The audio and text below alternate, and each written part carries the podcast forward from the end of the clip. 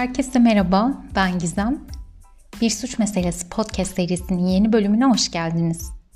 Bu bölümde herkesin ilgisini çekeceğine emin olduğum bir gerçek suç hikayesinden bahsedeceğiz. Sonuna kadar ilgi ve heyecanla dinlemenizi umuyorum. Ayrıca olayla ilgili yorum ve düşüncelerinizi Bir Suç Meselesi Instagram hesabımızdan paylaşırsanız çok memnun olurum.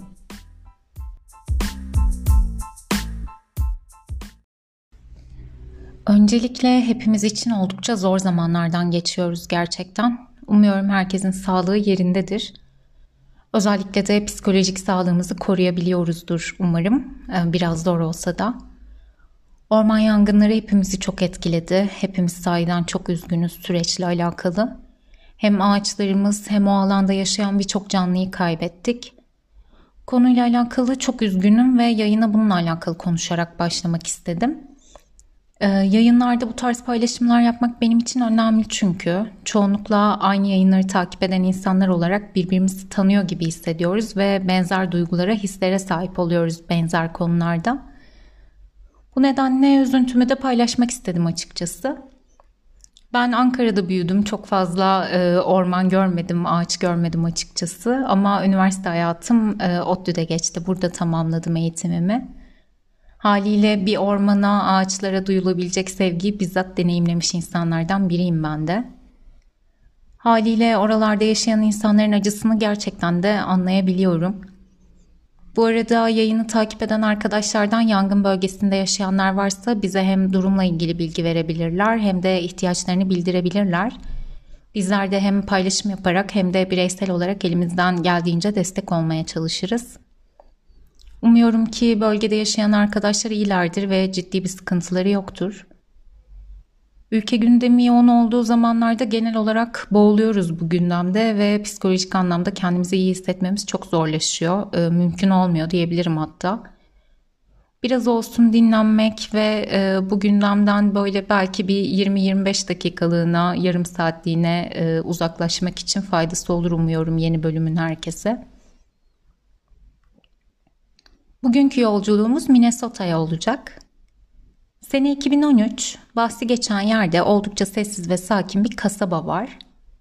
Herkesin birbirini tanıdığı, sıra dışı olayların pek de yaşanmadığı huzurlu bir bölge burası. Yerel halk birbirine epey bağlı ve herkes her konuda bir birlik halinde açıkçası bu yerde. Bu tatlı kasabanın sakinlerinden biri de 37 yaşındaki Laura Laura da bu kasabada sakin ve huzurlu bir hayat sürüyor çocuklarıyla birlikte. Kendisinin özellikle çocukları için hazırladığı doğum günü partileri meşhur. Bu partilerde doğum günü sahibine özel hissettirmekte üstüne yok bu tatlı kadının. Kendisinin en sevdiği şey annelik bu arada. Onu duygusal açıdan ciddi anlamda beslediğini düşünüyor anneliğin ve bununla gerçekten de gurur duyuyor. Beş kız iki erkek çocuğa sahip kendisi çocuklarıyla oldukça güzel bir iletişimi var. Eşi Troy'dan ayrıldıktan sonra çocukların velayetini bölüşmüşler ve tüm çocuklar haftanın belli günleri annelerinde, belli günleri de babalarında kalıyorlar. Yani bölüşmek derken çocukların bir kısmı annede bir kısmı babada değiller. Çocuklar birbirlerinden hiç ayrılmıyorlar ama belli günler annede kalıyorlar, belli günlerde babada kalıyorlar. Haliyle dinlenmeye ve enerjisini toplamaya da fırsatı oluyor genç annenin. Aynı zamanda eşinden ayrıldıktan sonra yerleştiği kasaba annesi ve kız kardeşi Kiki'nin de yaşadığı yer. Haliyle kendisini hiç yalnız hissetmiyor. Birbirlerine oldukça bağlı bir aileler ve birlikte keyifli vakit geçiriyorlar. Akşam yemeklerinde birbirlerinde toplanıyorlar. Bazen gezilere çıkıyorlar. Aynı zamanda elbette aile çocukların bakımıyla alakalı da Laura'ya destek oluyor. Çocuk sayısı çok fazla çünkü demin de söylediğim gibi. Bu noktada Laura'yı en fazla zorlayan şey kızı Alison'ın bakımı. Alison çocukluğunda bir kaza geçirmiş ve bu kazanın ardından da beyni hasar görmüş ne yazık ki. Kendisi yürüyemiyor ve konuşamıyor. Tekerlekli sandalye kullanıyor ve işlerini de çoğunlukla başka insanların yapmaları gerekiyor. Kimse bundan şikayetçi değil elbette. Tüm aile Alison'ı gerçekten de çok seviyor. Hatta Laura onun ismini vücuduna dövme olarak yazdırmış durumda. Sorun Alison'ın biraz kıskanç olması ve tüm ilginin kendi üzerinde olmasını istemesi sadece. Bu da aslında e, çocukluk kıskançlığı diyebiliriz. Haliyle Laura diğer çocuklarıyla ilgilenirken biraz zorluk yaşıyor Alison'da o ortamdaysa. Bir gün ortak velayette babanın günü olduğu için Troy gelip çocukları alıyor. Laura da birkaç gündür çok yorulmuş durumda. E, haliyle dinleneceği için keyfi yerinde. Evde televizyon keyfi yapmayı planlıyor bu süreçte. Ancak çocuklarının gittiği ikinci gün hayatını değiştirecek ve bir daha hiçbir şeyin eskisi gibi olmamasına neden olacak o haberi alıyor. Kız kardeş Kiki bir mesaj atıyor ve nasıl olduğunu soruyor genç kadına. İyi olduğu cevabını alınca da henüz hiçbir şeyden haberi olmadığını anlayarak onu telefonla arıyor ve e, yeğeni yani Laura'nın kızı Alison'ın ölmüş olduğu haberini veriyor. Laura çılgına dönüyor elbette. Sonuç olarak Alison'ın beynindeki rahatsızlığın haricinde kalbinde bir enfeksiyon olduğunu ve bugüne kadar fark edememiş olduklarını öğreniyorlar ne yazık ki. Alison'ı bir önceki gece bir arkadaşlarına bırakmışlar ve ertesi sabah genç kızı uyandırmaya çalışan bu kişi onun ölmüş olduğunu fark etmiş ne yazık ki. Bu elbette özellikle anne için e, büyük bir yıkım oluyor. Bunun en büyük nedeni sizin de tahmin edebileceğiniz gibi Laura'nın genel olarak yalnızca annelik kavramı üzerinden var olması.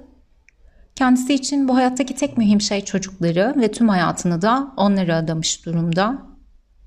Bu noktada birçok anne eminim ben de böyleyim diye düşünecek ancak Laura bu konuda biraz daha sağlıksız bir düşünce yapısına sahip. Zaten hikayenin ilerleyen kısmında yaşananları da duyunca herkes bunu anlayacaktır muhtemelen. Kendisi ne yazık ki hayatı boyunca psikolojik bazı sorunlarla da uğraşmış bir insan. Çok ciddi sorunlar olmasa da birkaç defa depresyon tedavisi görmüş ve sık sık tekrarlayan bir sorun haline gelmiş bu onun için. Çocuğunun kaybı da bu sorunu ne yazık ki tetiklemiş herkesin tahmin edebileceği gibi. Alison'ın ölümünden sonra Laura'nın diğer çocukları artık annelerinin eskisi gibi olmayacağını düşünmeye başlıyorlar. Acılı anne diğer çocuklarıyla eskisi kadar ilgilenemiyor ve bir şekilde onlara zarar verdiği inancında. Yaşları çok büyük olmamasına rağmen oldukça anlayışlı çocuklara sahip aslında kendisi. Çünkü hepsi annelerinin ne kadar acılı olduğunu biliyorlar, anlıyorlar ve ilgiden öte tek istedikleri annelerinin iyi olması. Bu süreçte çocuklar babalarında daha sık kalıyorlar elbette Laura'nın toparlanmaya ihtiyacı olduğu için. Kısacası genç kadının düşünecek ve kendini ayıracak çok fazla vakti oluyor bu süreçte. Bir gün Laura'nın kız kardeşi Kiki acılı kadını kontrol etmek için evine geldiğinde evde bir mektup buluyor. Bu mektup Laura'dan kendisi çok acı çektiğini ve yapabileceği en iyi şeyin uzaklara gitmek olduğunu yazmış bu mektubunda. Çocuklara bir faydasının değil, aksine zararının dokunduğunu, bu nedenle hepsinden uzağa gitmek istediğini de belirtmiş bu mektupta. Bu satırları yazarken çok zorlandığı ve nasıl bir bunalım içerisinde olduğu hemen anlaşılabiliyor kardeşi tarafından. Yaşadığı buhran çok yoğun olduğu için e, kardeşi neler hissettiğini de anlayabiliyor Laura'nın. Eve gidip anneleriyle paylaşıyor bu durumu ve ikili genç kadının bir süre uzaklaşıp kafa dinlemesinin sahiden de iyi olabileceğine karar veriyorlar. Zaten aslında yapabilecekleri bir şey de yok. Çünkü Laura bu mektubu bırakarak çoktan evden ayrılmış durumda. Telefonunu da kapatmış bu arada. Haliyle ailenin arayıp ona ulaşma ihtimali de yok ne yazık ki. Laura'nın evini terk etmesinden yaklaşık 3 hafta sonraya kadar aile hiçbir şekilde durumdan endişelenmiyor. Açıkçası işin benim açımdan ilginç tarafı kız kardeş ve anne de Laura'yı bir daha aramıyorlar. Telefonun kapalı olduğunu fark ettikten sonra. Bu bizim toplum için epey ilginç. Ee, aslında sanıyorum ben de bunun için e, bu kısmı şaşkınlıkla karşıladım ama onlar için kabul edilebilir bir şey diye tahmin ediyorum. Bireyselliğe daha fazla önem verilen ve saygı duyulan toplumlar oldukları için genç kadının konuşmak istememe ve yalnız kalma hakkına saygı duydular yüksek ihtimalle. Ancak Laura'nın evden ayrılışının 3. haftasında herkesi ciddi anlamda endişeye sürükleyen bir şey yaşanıyor. O gün kız kardeş aşağıya indiğinde evin kapısına yapıştırılmış bir not buluyor. Bu notta kendisini tanıtan bir kişi Laura'nın arkadaşı olduğundan ve 3 haftadır kendisine ulaşamadığı için endişeli olduğundan söz ediyor. Bu kişinin ismi Jeff bu arada. Kiki bu nota hem şaşırıyor hem de istemsiz bir şekilde endişe duymaya başlıyor. Notu bırakan kişiyi bizzat tanımıyor ancak Laura'nın bu kişiyle internet üzerinden tanışıp arkadaş olduklarını anlattığını da hatırlıyor. Bu not üzerine e, Kiki Laura'nın eski eşini arıyor, Troy'u yani ve onun da genç kadınla uzun süredir görüşmediğini öğreniyor. Kiki'yi asıl endişeye düşürense bu annenin tam 3 haftadır çocuklarını da hiç aramadığını öğrenmesi oluyor. Anladığım kadarıyla onlar e, Laura'nın e, bir birileriyle görüşüyor olduğunu düşünüyorlardı. Hiç kimseyle görüşmese bile çocuklarıyla görüşüyor olduğundan eminlerdi. Ancak işlerin tahmin ettikleri şekilde ilerlemediğini fark edince epey endişeleniyorlar ve kardeş hemen polis merkezini arayarak kayıp ihbarında bulunuyor. Dedektifleri aileyle görüşmek için geliyor hemen elbette. E, ailenin ilk gösterdiği Laura'nın bıraktığı mektup oluyor. Polis bu mektubun ciddi bir bunalım esnasında yazıldığını düşünüyor tıpkı aile gibi. Genç kadının depresyon geçmişini ve şu anda ilaç kullanmadığını yani tedavi almadığını öğrenince bunun bir intihar vakası olabileceğini düşünüyorlar. Bu arada bence de oldukça mantıklı bir tez bu. Böyle çok fazla olayla karşılaşıyoruz çünkü. Hatta Türkiye'de de benzer şekilde başlangıçta cinayet mi diye düşünülerek aranmaya başlanmış ancak intihar etmiş bir vaziyette bulunmuş çok fazla vaka var ne yazık ki. Laura da kaybından kısa bir süre önce kızını kaybettiği için bunu yapmaya uygun bir aday gibi görünüyor. Aynı zamanda Laura evden giderken arabasını da almamış yanına. Haliyle polisin arabayı da inceleme şansı oluyor ve bu arabanın içerisinde genç kadının kredi kartı ve telefonuna ulaşılıyor. Yani Laura bunların hiçbirini yanına almamış ve sizin de tahmin edebileceğiniz gibi eğer bir yere gidiyorsanız atıyorum kafa dinlemeye gidiyorsanız veya bir süre bir arkadaşınızın yanında kalacaksanız veya bir otele gidecekseniz vesaire bunlara bu bıraktıklarınıza ihtiyacınız var. Haliyle bu da bir intihar olabileceği tezini destekliyor polisi. Ancak elbette e, aile perişan ve Laura'nın böyle bir şeyi asla yapmayacağını düşünüyorlar. Alison'ın ölümünden önce çok yıprandığını ve değiştiğini ancak yine de diğer çocuklarını asla yalnız bırakmayacağını söylüyorlar. Bu noktada davada görevli polisin 25 senelik mesleki deneyimi esnasında kazandığı içgüdüleri devreye giriyor ve o da vakanın bir intihar olmadığını düşünmeye başlıyor. Bu arada bu mesleki içgüdü meselesine çok kıymet veriyorum ben. Olayların çözümünde ciddi bir rol oynuyor diye düşünüyorum çünkü. Hatta bu haftaki Patreon bölümünde de Türkiye'den bir polisin içgüdüleri sayesinde ciddi bir davayı nasıl çözdüğünden söz etmiştik. O da beni epey etkilemişti açıkçası. Burada da aynı şekilde etkilendim. Dediğim gibi Laura'nın intihar etmediğini düşünmeye başlayan polis genç kadınla alakalı daha fazla bilgi toplamak adına evindeki bilgisayarı alıyor ve incelemek için merkeze götürüyor. Ailenin dediğine göre kızının ölümünden sonra Laura bilgisayar başında çok fazla vakit geçirmeye başlamış. Muhtemelen kafasını bu şekilde dağıtıyormuş kendisi. Haliyle polis de genç kadının aramalarından veya görüştüğü kişilerden bir sonuca varabileceğini düşünmeye başlıyor. Laura'nın bilgisayarı incelenmeye başlandığında polisi çok şaşırtan bilgilere ulaşılıyor. Ee, bu kadının bazı chat sitelerine üye olduğu görülüyor. Ancak Laura bekar bir kadın ve polisi şaşırtan elbette e, bu sitelerde birileriyle tanışması veya görüşmesi değil. Bu siteler insanların belirli fantezilerini konuşarak buluşmalar ayarladıkları yerler. Bahsi geçen konuşmalar epey şiddet içerikli ve bu durum polisi gerçekten de endişeye sürüklüyor. Laura'nın e, bu şekilde konuştuğu birden fazla erkek var. Bir şekilde bu meselelerin içine düşmüş ve bir daha da çıkamamış gibi görünüyor polise göre. Sanıyorum başlangıçta kızının ölümünden dolayı psikolojisi pek iyi değildi ve bu yolla kafa dağıttığını düşünüyordu. Bilgisayar başında bu insanlarla konuşuyordu yani. Ancak daha sonra kendisi de ciddi anlamda bu işlerin içerisine girdi ve bir daha da çıkamadı veya çıkmak istemedi. Bu kısmı bilmek mümkün değil ne yazık ki.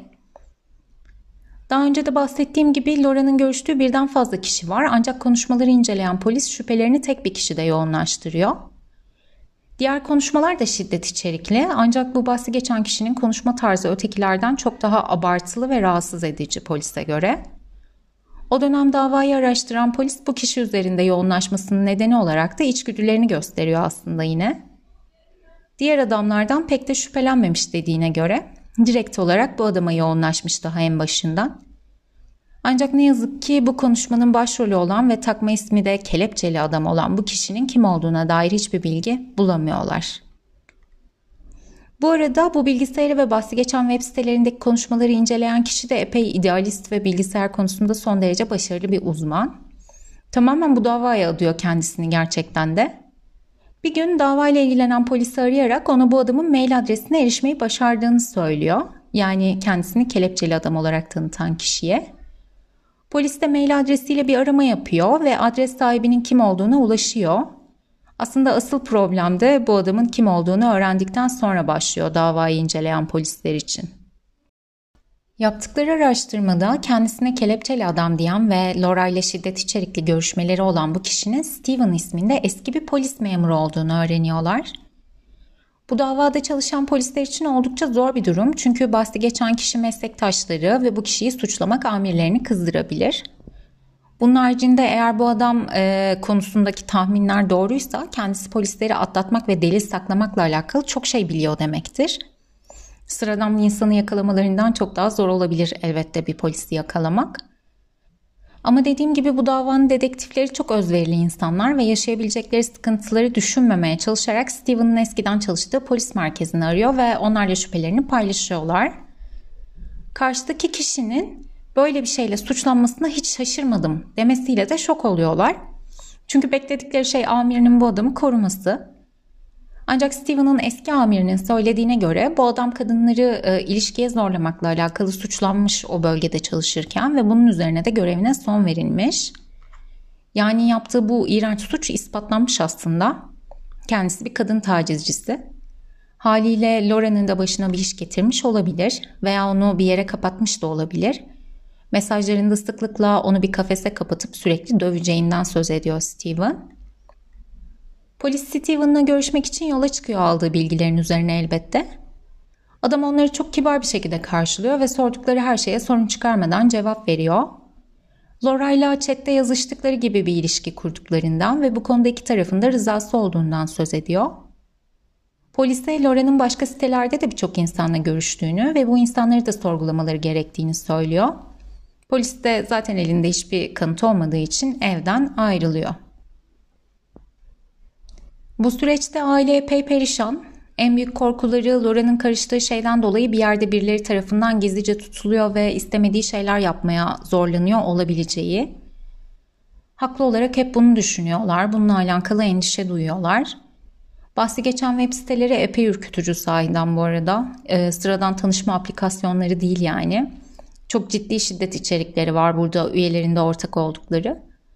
Haliyle aile korkmakta çok haklı aslında. Eminim Laura ortada olsa bile görüştüğü insanları bilseler çok korkarlardı.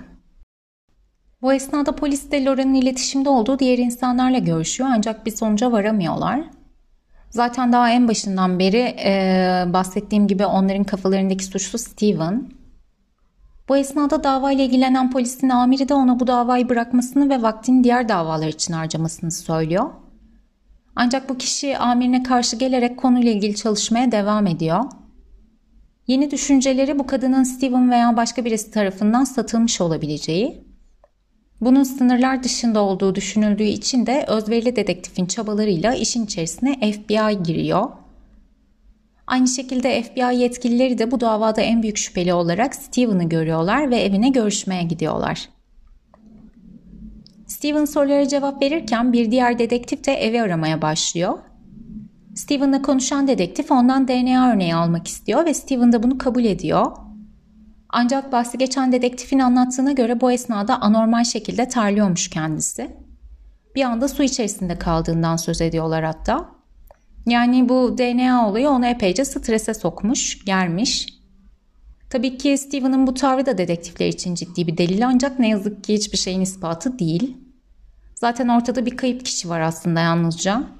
Yani bu bir intihar mı, cinayet mi, kaçırılma mı veya satılma mı hiç kimsenin bununla alakalı bir fikri yok. Bir gün Loren'ın tatlı ve huzurlu kasabasından yaklaşık 500 kilometre ötede bir metal arama çalışması yapılıyor dedektörlerle. O esnada çalışanlardan biri iki adet valiz görüyor ve bu valizlere yaklaşıyor. Arkadaşını da çağırıyor bu esnada yanına. Biraz daha yaklaştıklarındaysa korkunç bir çürüme kokusuyla karşılaşıyorlar. Bundan dolayı valizlere hiç dokunmayarak polislere haber veriyorlar. Polisler ilk valizi açtıklarında bir kadın cesediyle karşılaşıyorlar. Ceset ciddi anlamda çürüdüğü için tespit yapılabilmesi gerçekten zor görünüyor. Ee, bahsi geçen kadının elleri bağlanmış aynı zamanda bir halatla. Bir cinayete kurban gittiği ortada yani kendisinin. Polis bulunan cesedin şokunu yaşarken ikinci şok polisi çağıran gençlerin diğer valizi hatırlatmasıyla yaşanıyor ve bu valizin içerisinden de elleri aynı şekilde bağlanmış bir kadın cesedi daha çıkıyor. Elbette herkes şok içerisinde neler olduğunu anlamaya çalışıyorlar. Bulunan bedenler de incelenmek üzere adli tıpa gönderiliyor. Bulunan kadınlardan birinin dövmesi dikkat çekiyor bu inceleme esnasında. Bu bölgede çürüme daha yavaş ilerlemiş muhtemelen. Kayıp kişileri araştıran dedektiflerle bağlantı kurulunca da bizim olayımızı inceleyen dedektif bahsi geçen kadınlardan birinin Laura olabileceğini düşünüyor. Aileyi arar, arayarak e, kızlarının bir dövmesi olup olmadığını, eğer varsa yerini soruyor ve tüm bilgilerin örtüşmesiyle birlikte bu zavallı kadının Laura olduğu anlaşılıyor. Diğer bedenin de uzun süredir kayıp olarak aranan 19 yaşındaki Jenny olduğu anlaşılıyor. Dedektifler kadınların ellerinin bağlandığı halatlarda bu kadınlardan farklı birine ait bir DNA örneği olduğunu öğreniyorlar yapılan çalışmaların sonunda. Bu DNA örneği Steven'ın FBI dedektiflerine verdiği örnekle karşılaştırılıyor ve eşleşme çıkıyor polisin de beklediği gibi. Ve sonunda yaklaşık 8 aydır büyük bir özveriyle çalışan dava dedektifi Laura ile Steven'ı birbirine bağlamış oluyor. Steven hemen tutuklanıyor ve sorgulama başlıyor. Anlattığına göre hem Laura ile hem de Jenny ile karşılıklı rızaya dayanan bir ilişkileri varmış. Jenny Steven'ın yanına Laura'dan çok daha önce gelmiş. Anladığım kadarıyla birkaç sene öncesinden söz ediyoruz. Dediğine göre kuralları kendisinin belirlediği oyunlar oynamışlar ve bu oyunlardan biri nefessiz kalma oyunuymuş. Oyun esnasında genç kızın boğazına bastırmış ve genç kız boğulurken onu izlemiş. Sonuç olarak nefessiz kalan kız da ölmüş. Laura ile de tam olarak aynı şey yaşanmış. Kasti öldürmediğini söylese bile bu kadınların 7-8 dakika kadar can çekiştiği tahmin ediliyor. Ee, ne yazık ki uzmanlar tarafından yapılan çalışma sonucunda. Onları bırakmak için vakti varmış ancak bırakmamış ve boğularak ölmelerini izlemiş. Daha önce de belirttiğim gibi bu hikayede de ana mesele polisin özverisi bence. Amirler olayın kapanmasını istedikleri ve bunun çözülemez bir vaka olduğunu düşündükleri için Steven asla incelenmeyebilirmiş. Özellikle dava dedektifi ve olayı çözen bilgisayar uzmanı sayesinde suçlunun üzerinde durulmuş. İşini olması gerektiği şekilde yapan insanlarmış yani hepsi. Laura ve Jenny için de çok üzgünüm gerçekten. Yaptıkları şey epey tehlikeli ve birçoğumuz bunun öngörülebilir bir son olduğunu düşünebiliriz. Ancak işler her zaman beklediğimiz gibi ilerlemeyebilir. Bu bizim için de böyle. Gerçekten ne zaman ne yaşayacağımızın asla garantisi yok. Üstelik böyle durumlarda mağdur tarafı suçlu görmek, e, o da yapmasaymış veya tehlikeli biri olduğu belli, onun yanında ne işi varmış, gitmeseymiş demek ne yazık ki çok yaygın. E, özellikle bizim ülkemizde çokça görüyoruz bunu. Mağduru suçlayarak suçlunun yaptığı kötülüğü küçümsüyoruz aslında ve mağdur suçlayıcılıktan kesinlikle vazgeçmeliyiz diye düşünüyorum. Bu oldukça çirkin bir şey çünkü. Bu arada yayını bitirmeden önce ilk Patreon yayınımızı e, yayınladığımızı belirtmek istiyorum bu çarşamba. Türkiye'den oldukça ilginç bir dava dosyasından söz ettik. Aynı şekilde Türkiye'den olaylar serimizle Patreon'da olmaya devam edeceğiz. Bizleri desteklemek ve Türkiye'den olaylar serimizi de takip etmek isterseniz Patreon'da üye olabilirsiniz yayınımıza. Çok da mutlu olurum desteğiniz için. Evet, bugün zavallı bir annenin başına gelen korkunç bir gerçek suçtan söz ettik. Umuyorum sonuna kadar ilginizi kaybetmeden dinlemişsinizdir. Bir sonraki bölümümüzde tekrar görüşebilmek üzere. Herkese sevgiler.